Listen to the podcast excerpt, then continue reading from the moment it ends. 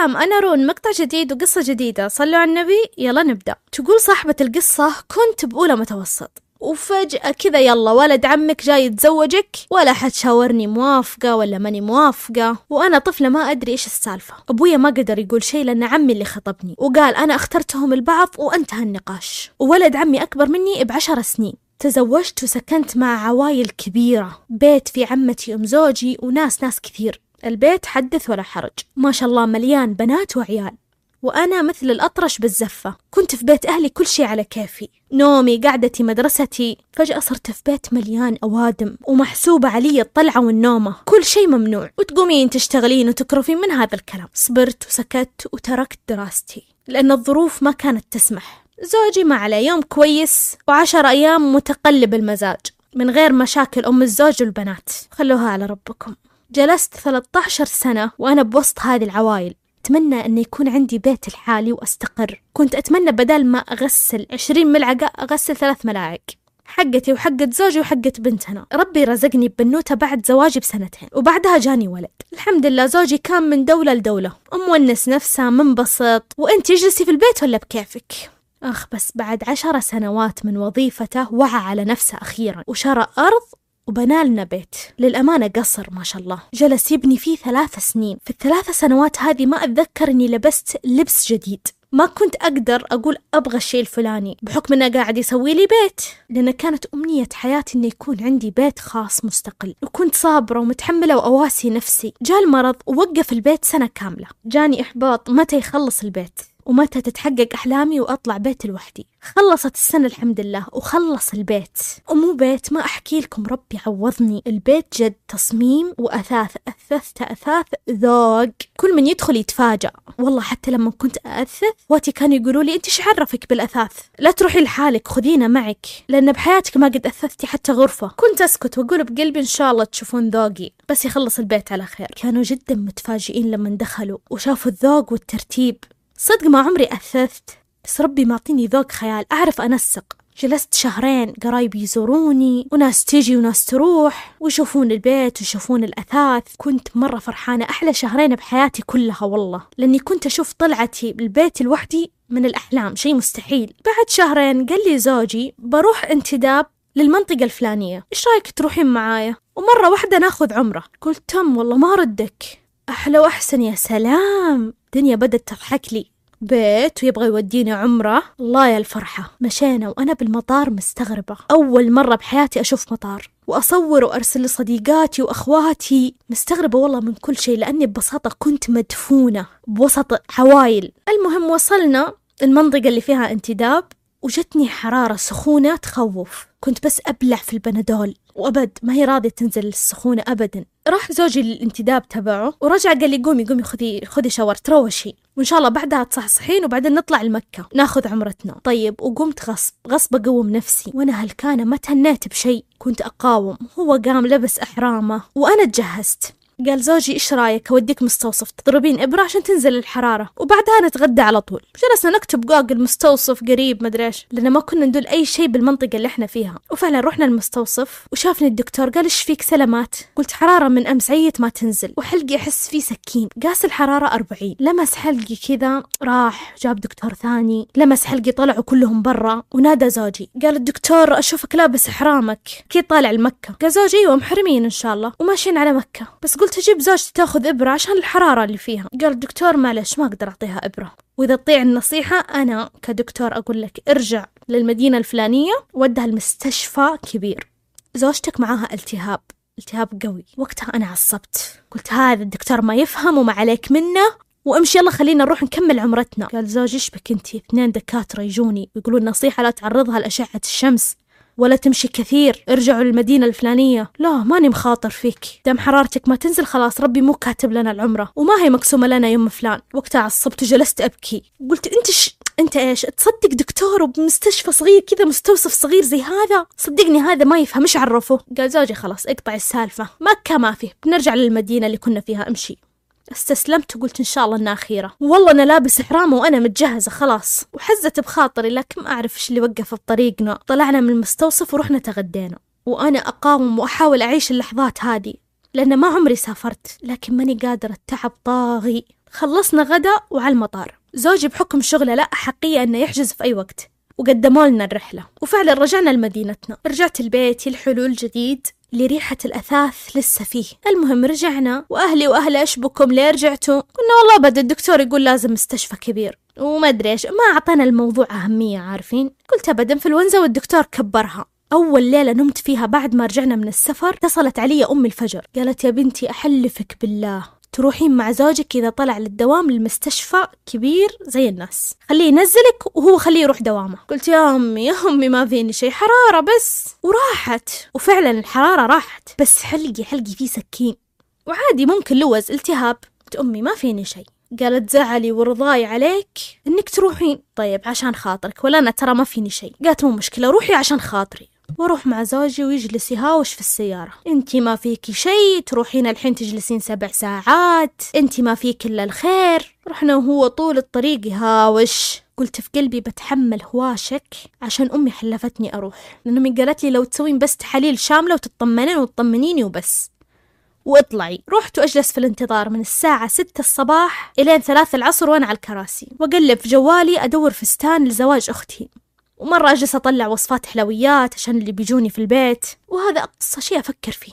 جاء دوري قلت للدكتور حلقي يعورني. ولما سأل أبغى أشعة وتحاليل الآن. قلت الحمد لله كل شيء الحين عشان أخلص وأفتك. سووا لي الأشعة والتحاليل وقالوا استني بعد ساعتين تطلع النتيجة. وزوجي يتصل يهاوشني يقول لي معجبتك جلسة المستشفى وانت ما فيك شيء؟ قلت خلاص الحين بيعطوني النتيجة وأطلع أكيد فقر دم وقلة فيتامينات. المهم نادوا اسمي فلانة الفلاني. الدكتور ينتظرك. قلت أخيرا يا فرج الله خلصنا. جيت للدكتور قال أنت فلانة الفلانية؟ قلت أيوه. قال معاك أحد من أهلك؟ زوجك أخوك؟ قلت لا. قال بما أن ما معك أحد أنت عندك ورم بحلقك. ولا أعرف إذا هو خبيث أو حميد. طالع فيه. أنا ما طلعت مني ولا أي ردة فعل. جلست أطالع فيه كذا لمدة دقيقتين. عيوني ما رمشت. بعدين حسيت شوي إني أستوعب الكلام يعني. قلت بهدوء دكتور أنا فلانة فلان الفلاني. أنت غلطان. قال أيوة فلانة فلان الفلاني. معك ورم. تحاليلك والأشعة. تقول في ورم. قبل الوضع. مشى وخلاني على السرير جالسة. مستشفى بارد. السرير أبيض. جلست ساكتة أقول يمكن أنا نايمة وهذا حلم. جيت على زوجي وجلست أضحك. أيوة أيوة جلست أضحك. قلت تخيل يا أبو فلان. الدكتور يقول فيك ورم أنا صوتي عالي وأضحك. ماني حاسة بنفسي. طلعت لقيت الدكتور في الاستقبال. كذا قدامي وقدام الدباسة حقت الأوراق. وبدون شعور سحبت الدباسة أبغى أصفق فيها. مسكوني الممرضات وأنا أنهرت. جلست على الأرض. رجولي ما عاد شالتني. وأصيح أصيح من قلب زوجي يقول لما جيت أسمع صوت بكاء يقول وأنا أمشي رجولي صارت ثقيلة. أسحبهم بالقوة أمشي. جاء قال لي زوجي اهدي اهدي. ترى أكيد في غلط أنا بكلم الدكتور. وهو بيفهمني خليك برا لا تدخلين. بكلم الوحدة. وأنا الحريم اللي بالانتظار تجمعوا علي ويسمون علي. واحدة تقول تكفين ارضي باللي ربي كتب لك. أنا نفس الدكتور هذا. قال لي قدام بنتي أنت معك ورم في بطنك. بنتي عمرها 17 سنة تخيلي الصدمة لي ولها. المهم أنا كذا واقفة برا. وأشوف زوجي وهو قاعد يكلمه. شوي أشوف زوجي طايح مغمى عليه. هنا فعلا عرفت إن أنا فيني ورم. وتأكدت. وجلست على الأرض. ما رحت أشوف زوجي يشبه. جتني كذا حالة سرحان. ما أدري أفكر فيه. جانا دكتور ثاني أسلوبه لطيف جدا. قال لي يا أختي ما فيك إلا الخير وما فيك إلا العافية. وكل شيء بإذن الله له علاج. طمنا. وقال لكم مني إني أدخلكم يوم الثلاثاء. وقتها كنا يوم الأحد. رجعت بيتي ودقيت على واحدة من أخواتي. قلت لها تكفين أنا خايفة؟ وجتني لين البيت وضميتها وقعدت أبكي. قلت المرض هذا راح يأكلني بسرعة. ضمتني وبكينا وأنهرنا مع بعض وعيالنا يطالعون ويبكون من بكانا. قمت غسلت وجهي وضميتهم وقلت ما عليكم أنا بس بطني شوية يعورني ما فيني شيء. اليومين اللي ما بين الأحد ليوم الثلاثاء أصعب أيام حياتي لأن الدكتور قال بيبين معانا كان الورم خبيث أو حميد. في اليومين هذه كنت أمثل على زوجي إني أنا نايمة في الليل وأنا أبدا ولا أني حول النوم. أبويا وأمي أصروا إني أسير عليهم وأزورهم على كلامهم إني من يوم ما جيت من السفر ما رحت لهم. ورحت بإصرار من أمي لما دخلت على أهلي أختي الصغيرة شهقت تقول إيش بوجهك كذا مسود إيش فيه؟ بسم الله عليك فيك شيء؟ أبويا وأمي متعودين علي أنا مرة فرفوشة وأحب أمزح معاهم وأضحك وخاصة أبويا حبيبي. جلست ساعتين الحزن أقوى مني بس ساكتة. أبوي وأمي مرة استغربوا. جلست عندهم الساعتين هذه وبعدين رجعت لبيتي. جاء يوم الثلاثاء ورحنا المستشفى. وأختي وزوجي معايا ودخلنا على الدكتور. الدكتور شاف رجلي ترجف ويدي ترجف. خاف إنه يقول لي أي شيء. نادالي أخصائية اجتماعية. للأخصائية يا فلانة أنت معاك ورم خبيث. لكنه من الدرجة الأولى اللي يطول ما ينتشر. احمدي ربك. وخطة المرض هذا عملية. وبعدها تأخذين إشعاعي اللي هو نوع من أنواع الكيماوي. طالع في زوجي أشوفه يدمع يبكي وأختي تضمني وتبوس راسي وأحس بدموعها على راسي. قلت اللهم لا حول ولا قوة إلا بالله. قاعدة تهدي فيني الأخصائية الاجتماعية وتقولي ترى وضعك سهل ومثلك كثير تشافوا منه. أقتنعت شوي بنفس الوقت أنا جدا حزينة. من داخلي أحس كل شيء فيني طفى. خلاص في بالي خلاص أيامي معدودة. وحنا راجعين البيت كأني رايحة القبر. كرهت البيت كرهته. ما أعرف ليش جاني هذا الشعور. العملية قرروها أنها بتكون بعد 18 يوم لأن الجراح جدوله مزحوم. أبوي أرسل لزوجي قال له أحس فيكم شيء. علمونا تكفون لأن بنتي ما هي طبيعية. طمن زوجي وقال الأمور تمام ما في شيء. جاء نهاية الأسبوع. إحنا متعودين في نهاية الأسبوع لازم نكون عند أهلي. واضطريت أروح عشان أهلي ما يفقدوني. رحت وربي إني جسم يتحرك بدون لا عقل ولا قلب. جالسة معاهم وأمي وأبويا سكوتي ما هو عاجبهم. بعد جلستي كذا بنص ساعة دخل زوجي. قال لأمي وأبويا يا جماعة أنا لازم أعلمكم أنا راح تلوموني لو صار شيء لا سمح الله. أمي قبل ما يتكلم زوجي كمل الموضوع صاحت صيحة قوية. قالت أنا كنت حاسة أنا كنت حلمانة حلم وأعرف إن بنتي فيها شيء. إيش السالفة؟ أبويا كان متماسك وساكت يا قلبي عليه. بدا زوجي يتكلم ويحاول يفهمهم إن الوضع بسيط وإنه بيشيلون الورم وترجع أموري كويسة. أبوي وقف ولما وقف حس بدوخة وجلس في الأرض. جيته وحضنته قلت أبويا أنا أتمنى أني أموت ولا أشوفك تبكي. أمي مسكينة نزل السكر ودخلوها داخل. زوجي جلس يفهم أبويا وأخواني وقال إن الورم اللي عندها من الدرجة الأولى. ويقدرون بإذن الله إنهم يسيطرون عليه. هدأ أبويا وأقتنع من كلام زوجي. وأنا جد كنت تعبانة. مخي كان يعورني من كثر التفكير. اللهم لا اعتراض ما أمداني أدخل بيتي وأتهنى فيه. إلا جاني المرض الخبيث. قالت لي أمي أبغاك تجلسين عندنا إلين ما يجي موعد عمليتك. قلت طيب أنا أصلا بجلس عندكم لأني كارهة بيتي. عيالي تبهذلوا في البيت لحالهم يدرسون ونفسيتهم تعبت. سويت العملية الأولى وأخذت الإشعاعي. بعدها رجعوا سووا لي عملية ثانية. والحمد لله على كل حال ادعوا إن ربي يشفيني من هذا المرض. والحمد لله الآن أموري كويسة. والدكتور قال إن وضعي كويس. والحمد لله أنا دائما أقرأ كثير وأستغفر. وألح في الدعاء وما أترك الوتر.